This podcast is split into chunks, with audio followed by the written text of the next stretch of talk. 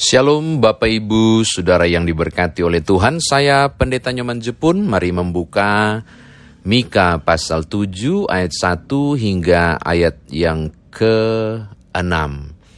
Mika pasal 7 ayat 1 hingga ayat yang ke-6. Mari kita satu dalam doa, kita berdoa. Segala puji syukur kami naikkan kepadamu ya Bapa, Halik semesta, yang telah menyatakan kasih karuniamu di dalam Yesus Kristus dalam hidup masing-masing kami. Hari ini firman Tuhan akan kami renungkan, tolonglah kami agar kami boleh memahami dan mengerti kekayaan firman Tuhan ini dan mengerjakannya. Demi Tuhan Yesus Juru Selamat kami berdoa. Amin. Mika pasal yang ke-7 ayat 1 hingga ayatnya yang ke-6. Saya bacakan untuk saudara, celaka aku sebab keadaanku seperti pada pengumpulan buah-buah musim kemarau, seperti pada pemetikan susulan buah anggur. Tidak ada buah anggur untuk dimakan, atau buah ara yang kusukai. Orang saleh sudah hilang dari negeri, dan tiada lagi orang jujur di antara manusia. Mereka semuanya mengincar darah, yang seorang mencoba menangkap yang lain dengan jaring. Tangan mereka sudah cekatan berbuat jahat. Pemuka menuntut, hakim dapat disuap, pembesar memberi putusan sekehendaknya, dan hukum mereka put, mereka putar balikkan. Orang yang terbaik di antara mereka adalah seperti tumbuhan duri, yang paling jujur di antara mereka seperti pagar duri. Hari pagi hari bagi pengintai-pengintaimu, hari penghukumanmu telah datang. Sekarang akan mulai kegemparan di antara mereka. Janganlah percaya kepada teman, janganlah mengandalkan diri kepada kawan. Jagalah pintu mulutmu terhadap perempuan yang berbaring di pangkuanmu. Sebab anak laki-laki menghina ayahnya, anak perempuan bangkit melawan ibunya, menantu perempuan melawan ibu mertuanya, Musuh orang ialah orang-orang seisi rumahnya. Demikian firman Tuhan, saudara saya dikatakan berbahagia jika mendengarkan firman Tuhan ini, merenungkannya, memberitakannya, lalu melakukan dalam hidup beriman kita. Bapak Ibu kekasih di dalam Tuhan, membaca teks ini, atau bahkan kalau saudara membaca dari pasal 1, pasal 3, Lalu sampai ke pasal 7, wow, Bapak Ibu, saudara akan menemukan sesuatu yang khas dari Mika. Beberapa penafsir menyebut bahwa Nabi Mika ini adalah kemungkinan seangkatan juga dengan Yesaya di masa pemerintahan awal Ahas dan Hizkia. Bahkan sebelum Ahas pun dia sudah ada di masa pemerintahan itu khusus berbeda dengan Yesaya yang bekerja dalam sistem pemerintahan, melaksanakan fungsi kenabiannya di kerajaan, Mika lebih cenderung fokus pemberitaan pada kenyataan yang terjadi di arus bawah, yaitu di tengah masyarakat. Dia menyoroti tentang, kalau saudara baca pasal-pasal sebelumnya, Bapak Ibu akan menemukan tentang berbagai hal yang terjadi dan korbannya adalah masyarakat atau rakyat dari ketidakadilan, kejahatan oleh pihak-pihak penguasa dan lain sebagainya.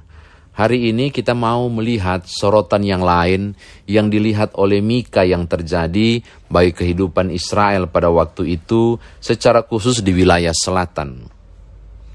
Saya agak bingung ketika Lembaga Alkitab Indonesia menyebut tentang akhlak Israel padahal yang disebut wilayah ini sebenarnya Yehuda, yaitu yang sebelah selatan.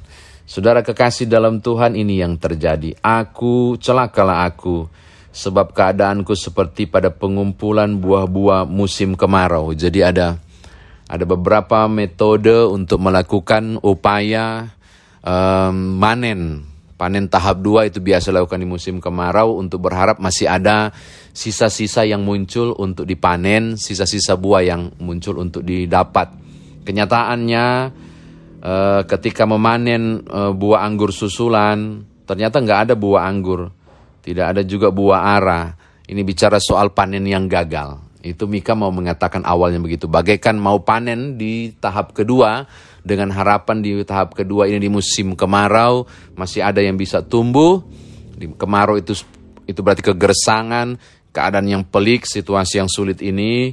Berharap masih ada juga buah-buah yang muncul, anggur maupun arah ternyata nggak ada.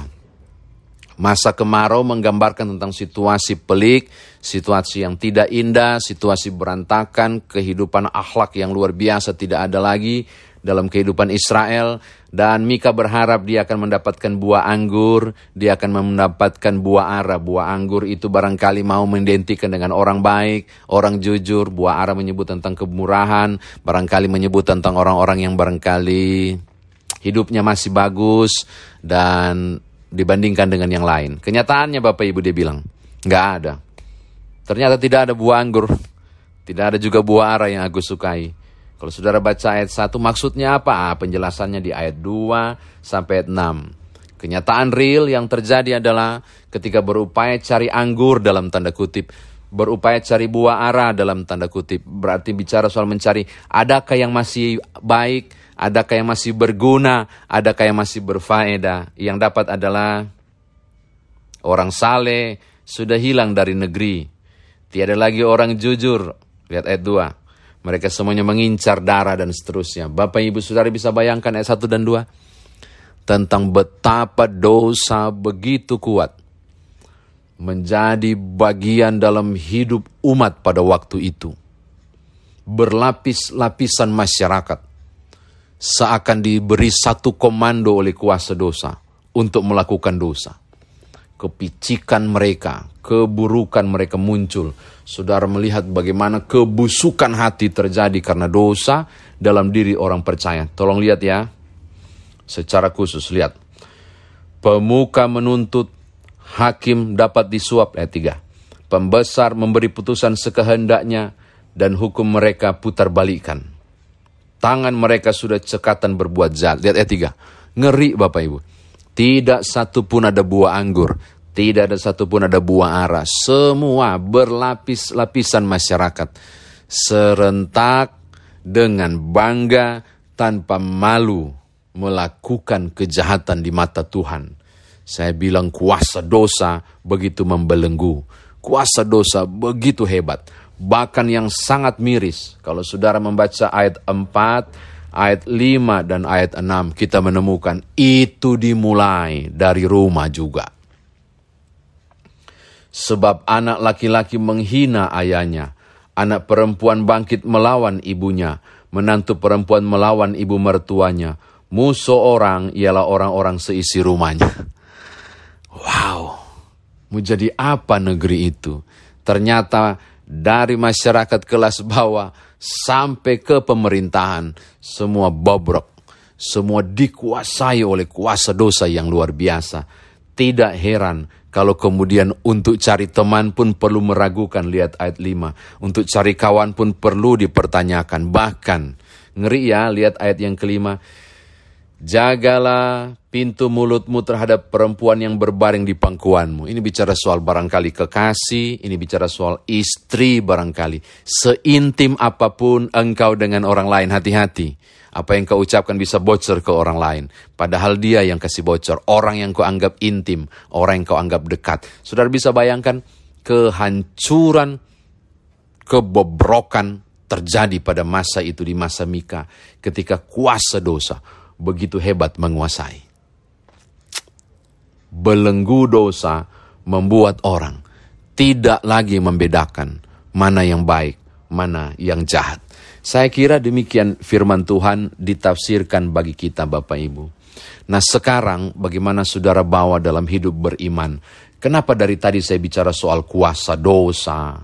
Kenapa saya bicara soal dosa menguasai? Dari tadi saya menekankan itu. Bapak Ibu, hamartia itu dosa. Dari kata hamartia. Nah, tulisannya amartia tapi kita harus baca hamartia.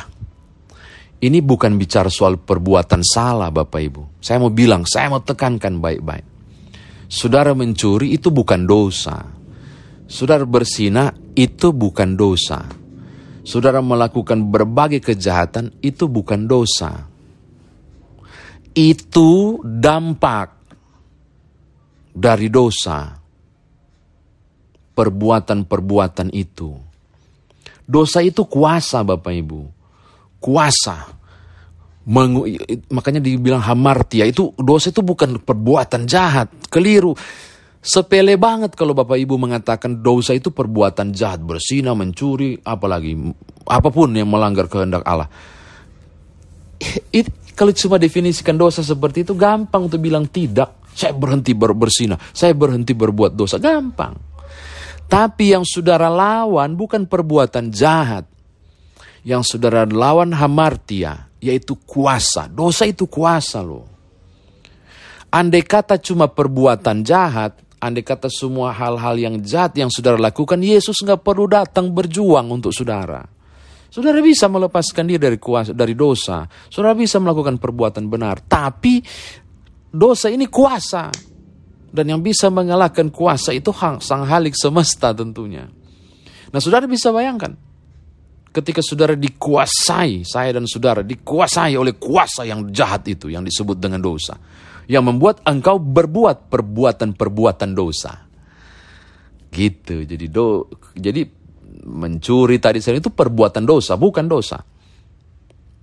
Dosa itu hamartia, kuasa yang menggiring saudara berbuat itu. Ini yang terjadi yang mau digambarkan di pasal 7. Wow, mengerikan. Ketika kuasa dosa menguasai, dia punya power loh Bapak Ibu. Yang akan giring orang untuk tidak bisa bedakan mana baik, mana jahat. Dan tidak lagi mengenal yang kebaikan yang dia tahu adalah berbuat jahat saja dan berbuat terus jahat. Tidak heran kalau pemuka menuntut, hakim disuap, pembesar memberi putusan sekehendaknya, dan hukum mereka putar balik. Mulai terjadi juga di rumah. Ini yang terjadi. Lawan saudara bukan para pembuat dosa, tapi lawan kita bersama adalah pada kuasa dosa. Tidak heran, maka terjadi inisiatif Allah untuk kemudian datang mengalahkan kuasa dosa itu. Begitu. Melawan kuasa dosa itu. Ini hal pertama untuk saudara bawa pulang bahwa bedakan mana dosa, mana perbuatan dosa. Yang kedua, karena itu Bapak Ibu, supaya tidak terjadi pada ayat yang ketujuh dikuasai oleh dosa, maka apa yang harus kita buat? hati saudara dan saya harus dikuasai oleh Tuhan yang selalu mengarahkan lewat Roh Kudus hal-hal yang baik. Kalau yang menguasai saudara adalah kuasa dosa dan bukan kuasa Tuhan, maka arahan hidup saudara adalah perbuatan jahat, tapi engkau dan aku tidak sadar dan tidak bisa bedakan mana jahat. Nggak heran kalau kemudian terjadi dosa masal di pasal 7. Maka yang kedua saya mau katakan kepada Bapak Ibu kita butuh kuasa Tuhan. Mengambil alih hati kita. Agar tidak berbuat dosa. Andai kata pun berencana untuk buat dosa, saudara dibuat tidak nyaman. Saudara dibuat tidak sejahtera. Saudara dibuat tidak enak ini hati. Kok ada apa ya? Akhirnya saya selalu berkata, memberikan ilustrasi bahwa Roh Kudus itu bagaikan bintang segi lima yang Tuhan taruh di hati. Itu kuasa Tuhan tuh. Saudara bikin salah dia berputar. Ketika dia putar, saudara rasa nggak nyaman. Aduh kok sakit ya. Saudara bikin lagi dia putar lagi. Saudara bikin lagi dia putar lagi. Kayak dilukai supaya aduh kok begini ya. Aduh berarti salah saya ya. Itu, itu roh kudus yang mengingatkan kuasa Allah menggiring saudara untuk bedakan mana jahat, mana yang baik. Saudara butuh kuasa dosa, kuasa Allah untuk memerangi kuasa dosa. Yang terakhir Bapak Ibu, saudara mengingat pernyataan yang luar biasa, saya nggak enak menyebut nama tokohnya, orang soalnya bukan orang yang berbuat baik, tapi dia buat pernyataan yang menarik sih sebenarnya dia bilang begini, kebohongan jika terus menerus dilakukan akan menjadi kebenaran. Coba lihat, kejahatan-kejahatan yang dilakukan terus menerus lama-lama akan dipandang sebagai tindakan yang benar. Itu dosa. Itu kuasa dosa. menggiring saudara melakukan berbagai perbuatan dosa, menggiring saya melakukan berbagai perbuatan dosa. Efeknya, saudara merasa dan saya itu yang benar kok. Itu perbuatan benar. Mengerikan ya, Bapak Ibu, sangat mengerikan. Karena itu saya mau tutup firman Tuhan ini untuk mengingatkan. Hati-hati Bapak Ibu. Bedakan dosa dan perbuatan dosa. Yang saudara lawan adalah kuasa dosa. Dan saudara nggak bisa melawannya. Saudara butuh kuasa Tuhan. Minta Tuhan kuasai Bapak Ibu dan saya. Agar kita tidak diperbudak dosa yang meng, yang menyuruh merayu kita untuk melakukan perbuatan-perbuatan dosa. Jangan mau dikuasai oleh kuasa dosa. Tuhan berkati Bapak Ibu. Haleluya. Amin.